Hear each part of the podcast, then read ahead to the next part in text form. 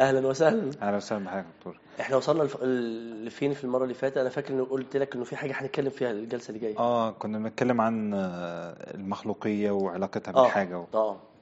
المخلوقية وعلاقتها ب قلنا إن إحنا هتفتح لنا حتة ال- الألم واللذة أيوه والطمأنينة والس- أيوه موضوع صح. كبير ده. موضوع آه بالظبط آه. أنا أظن الجلسة دي آه، يعني أزعم إنها يعني ستحدث اثرا في نفسك يعني آه الله المستعان. خدت بالك إن أنا بدأت بالإيحاء فأنا أوحيت لك انه الجلسة دي مهمة. مم. طيب. عشان أركز بقى. عشان تركز. آه. قول لي بقى إيه كان سؤال إيه؟ ال- المخلوقية إيه مدى علاقتها بحاجة الإنسان؟ طيب إحنا قلنا كوني مخلوق يبقى أنا مش خالق. مم. يبقى أنا مش مطلق. نعم. يبقى أنا مش كامل. يبقى أنا ناقص. خلينا أديك مثال. لو رحت اشتريت تليفون من محل لما تاخد التليفون مش بتبقى فيه بطارية شوية مشحون شوية؟ أيوه. لما تفتحه بيبقى مشحون شوية. تلقائيا لما تشتغل ويعدي عليك زمن وتشتغل فيه تلقائيا هيحصل إيه في البطارية؟ هتقل. هتقل. أول ما تقل تلقائيا هيديك إشعار باشحني. طيب يا إما ب... بلايت معين بصوت معين كم. ده باختصار الحاجة. كونك مخلوق اذا أنت تحتاج. مم. الحاجة دي هي في الحقيقة آه، نعمة. لأنك لو ما كانتش عندك التليفون هيطفي ويفصل وهيقطعك عن العالم والاتصال لأنه ما قالكش إن أنا إيه؟ محتاج. شحن. طيب إحنا كده. كوني مخلوق اذا أنا أحتاج. نعم وكوني أحتاج هيقودنا لحاجة تانية عاملة مشكلة عند الناس. إيه؟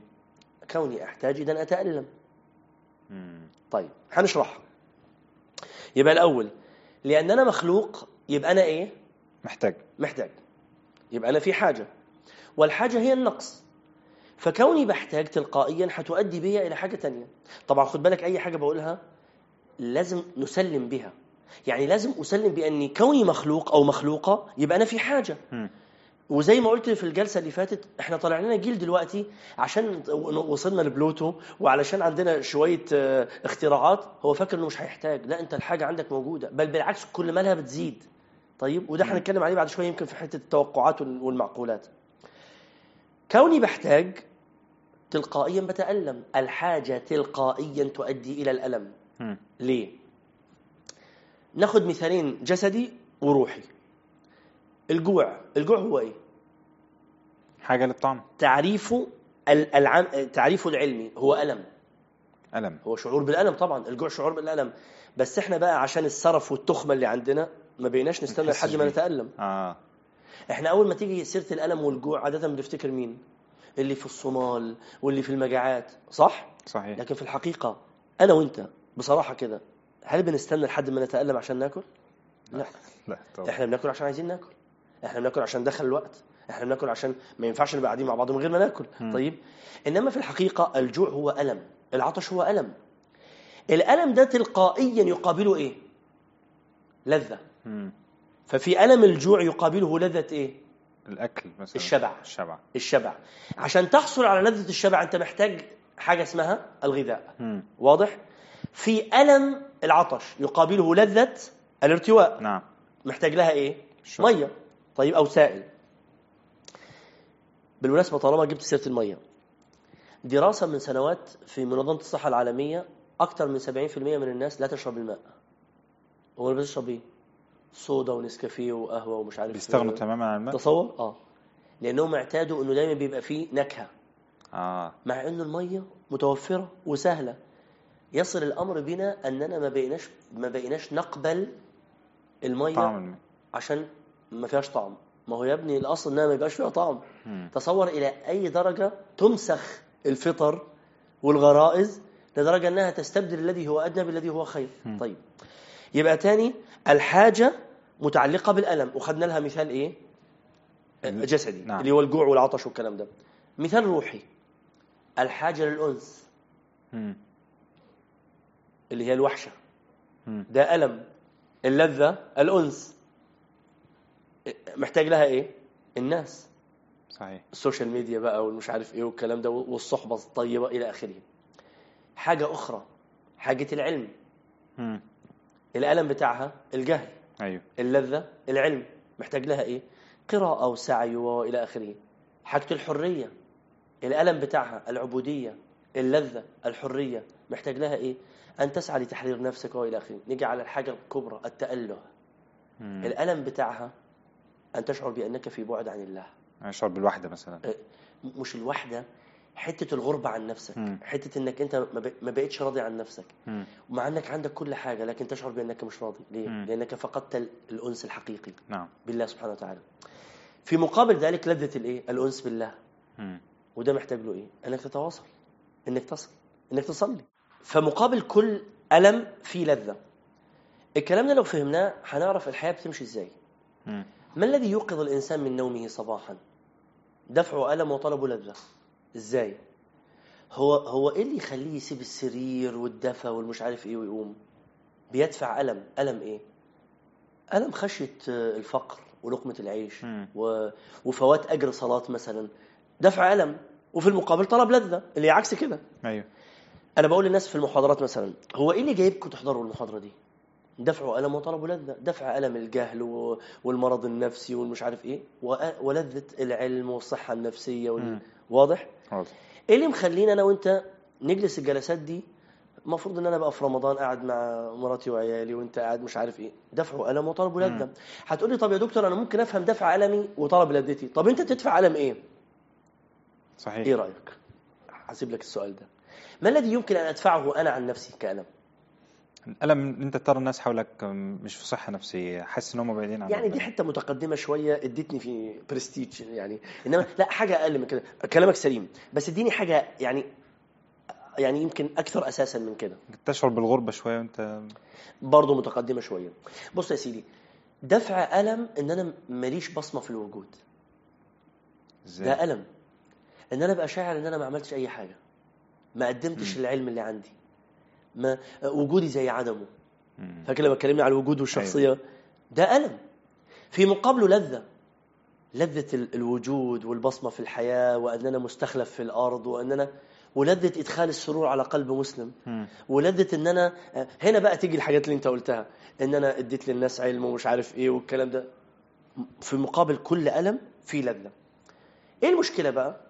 أن كثير من الناس مش مش قابلين فكرة أن الدنيا تقوم على الاثنين المتقابلين دول مم. الألم واللذة وده هيدخلنا لمعضلة الإيه ليه؟ الشر لماذا خلق الله الشر ليه مم. أصل كل شر هو عبارة عن ألم يعني لاحظ معظم اللي بيسألوا عن الشر هو ليه ربنا خد آه، آه، بابايا في مثلا في رابعة مثلا مم. هو ليه آه، الولد الصغير بيتولد معاه سرطان؟ هو إيه ذنب الطفل في سوريا أن يقتل؟ دايما الأسئلة اللي متعلقة بالشر متعلقة بإيه. بآلام. لو الناس فقهوا أن الحياة لا تقوم إلا على ألم يقابله لذة هيستريحوا. يفضل قاعدة لو اتفهمت أنا أظن أن الجملة دي لو اتفهمت هنستريح الدنيا لا تخلو من ألم. يبقى على النفس أن تختار أي ألم يستحق. وضحت؟ واضح. كلنا نتألم. أنا في عندي صورة كده كنت طالبها من أخت مصممة. كان نفسي تبقى موجودة بس أوريها لك كده. على اليمين واحد متختخ كده وتخين ومش عارف إيه وقاعد مسترخي ومعاه ريموت وجنبه بقى بيتزا delivery و junk food fast food delivery وقاعد. والصورة جنبيه واحد بيلعب رياضة وفت لكن عرق ومش عارف إيه وتعبان. وفوق اليمين مكتوب راحة تعب شمال تعب راحة. مم. وصلت؟ وصلت. اللي على اليمين فاكر نفسه إنه مستريح لكن في الحقيقة متعب والكلام ده هيعرفه بعدين. مم. لما ما يعرفش يقضي حاجته. لم لغايه لغاية ما اتنين تلاتة يشيلوه. أنا جالي واحد في العيادة لما اضطر يخش من العياده الباب اضطر يخش في ال- بالعرض. يا. آه ما يقدرش يخش كده. طيب. أهو ده بيقول لل- لل- للتاني اللي بيلعب رياضة يا ابني إيه اللي أنت عامله في نفسك ده؟ تريح نفسك. يا ابني ما تريح نفسك. التاني بقى يتفرج عليه ويبتسم بيقول له معلش خليك في اللي انت فيه. اصل اللي هو فيه شوية تعب لكن مآله إلى إيه راحة. إلى راحة حقيقية لو الكلام ده اتفهم هنعرف يعني إيه إنه كل تعب الدنيا لا يساوي شيء في لذة آخرة. لا يساوي شيء بل في بل قبل لذة الآخرة لذة دلوقتي كل التعب ده هيروح لكن لازم نعرف إنه لازم نعرف إنه الألم ده سيقابله لذة مم. هخش في حاجة كده متعلقة بالألم واللذة مهمة جدا والظاهر إنه حتة الحاجة والألم واللذة والطمأنينة هتاخد مننا جلسة تانية فاستحملني شوية. لما واحد يسأل سؤال زي هو إيه ذنب الطفل إنه يتقتل في في سوريا ولا في مصر ولا في مش عارف إيه؟ السؤال ده خطأ في ذاته. ليه؟ اللي بيسأل السؤال آه، افترض فرضية من البداية خطأ أن الطفل ينبغي أن يكون مذنبا علشان يتقتل. هو مين قال لك كده. هو مش إحنا بنقول إنا لله وإنا إليه راجعون؟ آه. يبقى إنا لله يعمل بقى اللي هو عايزه. ياخدني بقى في حادثة مرورية في عربية في صاروخ بينزل على على بيت في فيروس بس cancer ب... إني لله. ياخذني بالطريقة اللي هو عايزها. مش أنا بقى اللي هقول له لا يا رب معلش خدني بالطريقة اللي أنا عايزها. أبقى 90 سنة على فراش الموت. وتس... وتس... يعني تستل روحي كده كالشعرة من العجين لا لا لا. أنا مش إله أنا عبد. يفضل عليا إزاي أتعامل مع السنن الكونية وأتعامل مع النوازل النفسية بنوع من السكينة لما تنزل بيه. أما حتة إن أنا أتخيل أن الحياة هي عبارة عن فيلم هوليوودي اللي بقى يتولد الولد ويبقى لذيذ ومكلبز ونتصور معاه و teddy bear ومش عارف إيه ويكبر شوية ندخله ال KG وبعدين يكبر شوية يبقى مراهق ويقفل على نفسه مش عارف إيه ويخش بقى في في علاقة غرامية مع واحدة صاحبته من غير ما نعرف. هو مين قال إنه هي دي الناتشرال هيستوري بتاعت الولد؟ مين قال؟ هوليوود؟ وإيه يعني؟ من قال إنه الولد لازم يعيش 90 سنة؟ مش يمكن يبقى مكتوب له إنه يعيش سنتين وبس؟ صحيح. ده هيخش بقى في حتة التسليم. وبالتالي تصور لو الكلام ده إحنا فاهمينه. أنا مرة كنت بدي دورة تدريبية فبقول كده كنت أنا في- مدينة ومراتي وعيالي في مدينة تانية. فأنا بقول بكل بساطة كده بقول لو أنا دلوقتي روحت لو وربنا مد في الحياة كده وشفت بناتي بقى في سرايرهم وقبلتهم حب راحت واحدة رفع إيدها كده قالت لي لحظة يا دكتور معلش ترجع شوية كده. قلت لها إيه؟ قالت لي أنت قلت إيه؟ قلت لها إن أنا هروح قالت لي لا أنت قلت قلت لها آه قصدك إن أنا قلت إن أنا لو ربنا مد في الحياة؟ قالت لي آه هو أنت متصور إن ربنا ما يمدش في الحياة؟ قلت لها هو أنت متصورة. إنه لازم ربنا يمد في الحياة؟ ما هو ده طول الأمل. آه. قالت لي وأنت مستعد نفسيا قوي كده إنك أنت ممكن ما تشوفش يعني مراتك وعيالك؟ قلت لها طبعا. بس ده موضوع صعب جدا. صعب بس صح. ما هو ما هو الرياضة اللي قلناها قبل شوية صعبة. الراجل اللي عمال بيتصبب عرق ما هو صعب بس هو الصح. وصاحبنا المدخن هو الغلط. طب أنا أقدر إزاي يعني أوصل للمرحلة دي؟ يعني ده هنتكلم عليه بقى في في التخلية والتحلية. آه. إنما لازم أعرف إنه طول الأمل ده هو اللي تعبني. أنا هقول لك حاجة ممكن تبقى صعبة شوية. لما مراتي آه، لما جات لنا مريم. قلت لها بص كده على مريم شايفاها؟ ربنا هياخد أمانته في أي لحظة. مباشرة قالت لي عبد الرحمن بس يعني على الأقل سيب اللحظة دي شوية. قلت لها بالعكس علشان نستمتع بيها في كل لحظة نتصور أن تفقد في أي لحظة. إنما اللي إحنا واقعين فيه مم. ربنا يخليها لك. تفرح بيها وتشوفها في الكوشة ومش عارف إيه. فنؤمن نفسنا بالسعادة بعد 30 سنة. ومن ومن هنا لحد بعد 30 سنة نكد كل يوم. تعالي يا بنت اللي مش عارف إيه. آه، جبت جبت اللي مش عارف الشهادة بتاعتك والعلامات والدرجات ومش عارف وسر- وسريرك و... يا جماعة اتبسطوا في حياتكم اليومية. ده إحنا عندنا شعار إذا أصبحت فلا تنتظر المساء. وإذا أمسيت فلا تنتظر الصباح أنا بالشعار ده بتبسط مع بناتي كل يوم وكل يوم متصور إنه شمس بكرة مش هتطلع. لو تأملنا الكلام ده هنعرف إنه الحياة ممكن نسعد بها وما نخشش في حتة الشقاء. يظهر حتة الألم واللذة دي محتاجين يعني نتكلم. فيها لسه شوية. فلعلنا نكمل غدا لو أذنت لي معلش. إن شاء الله.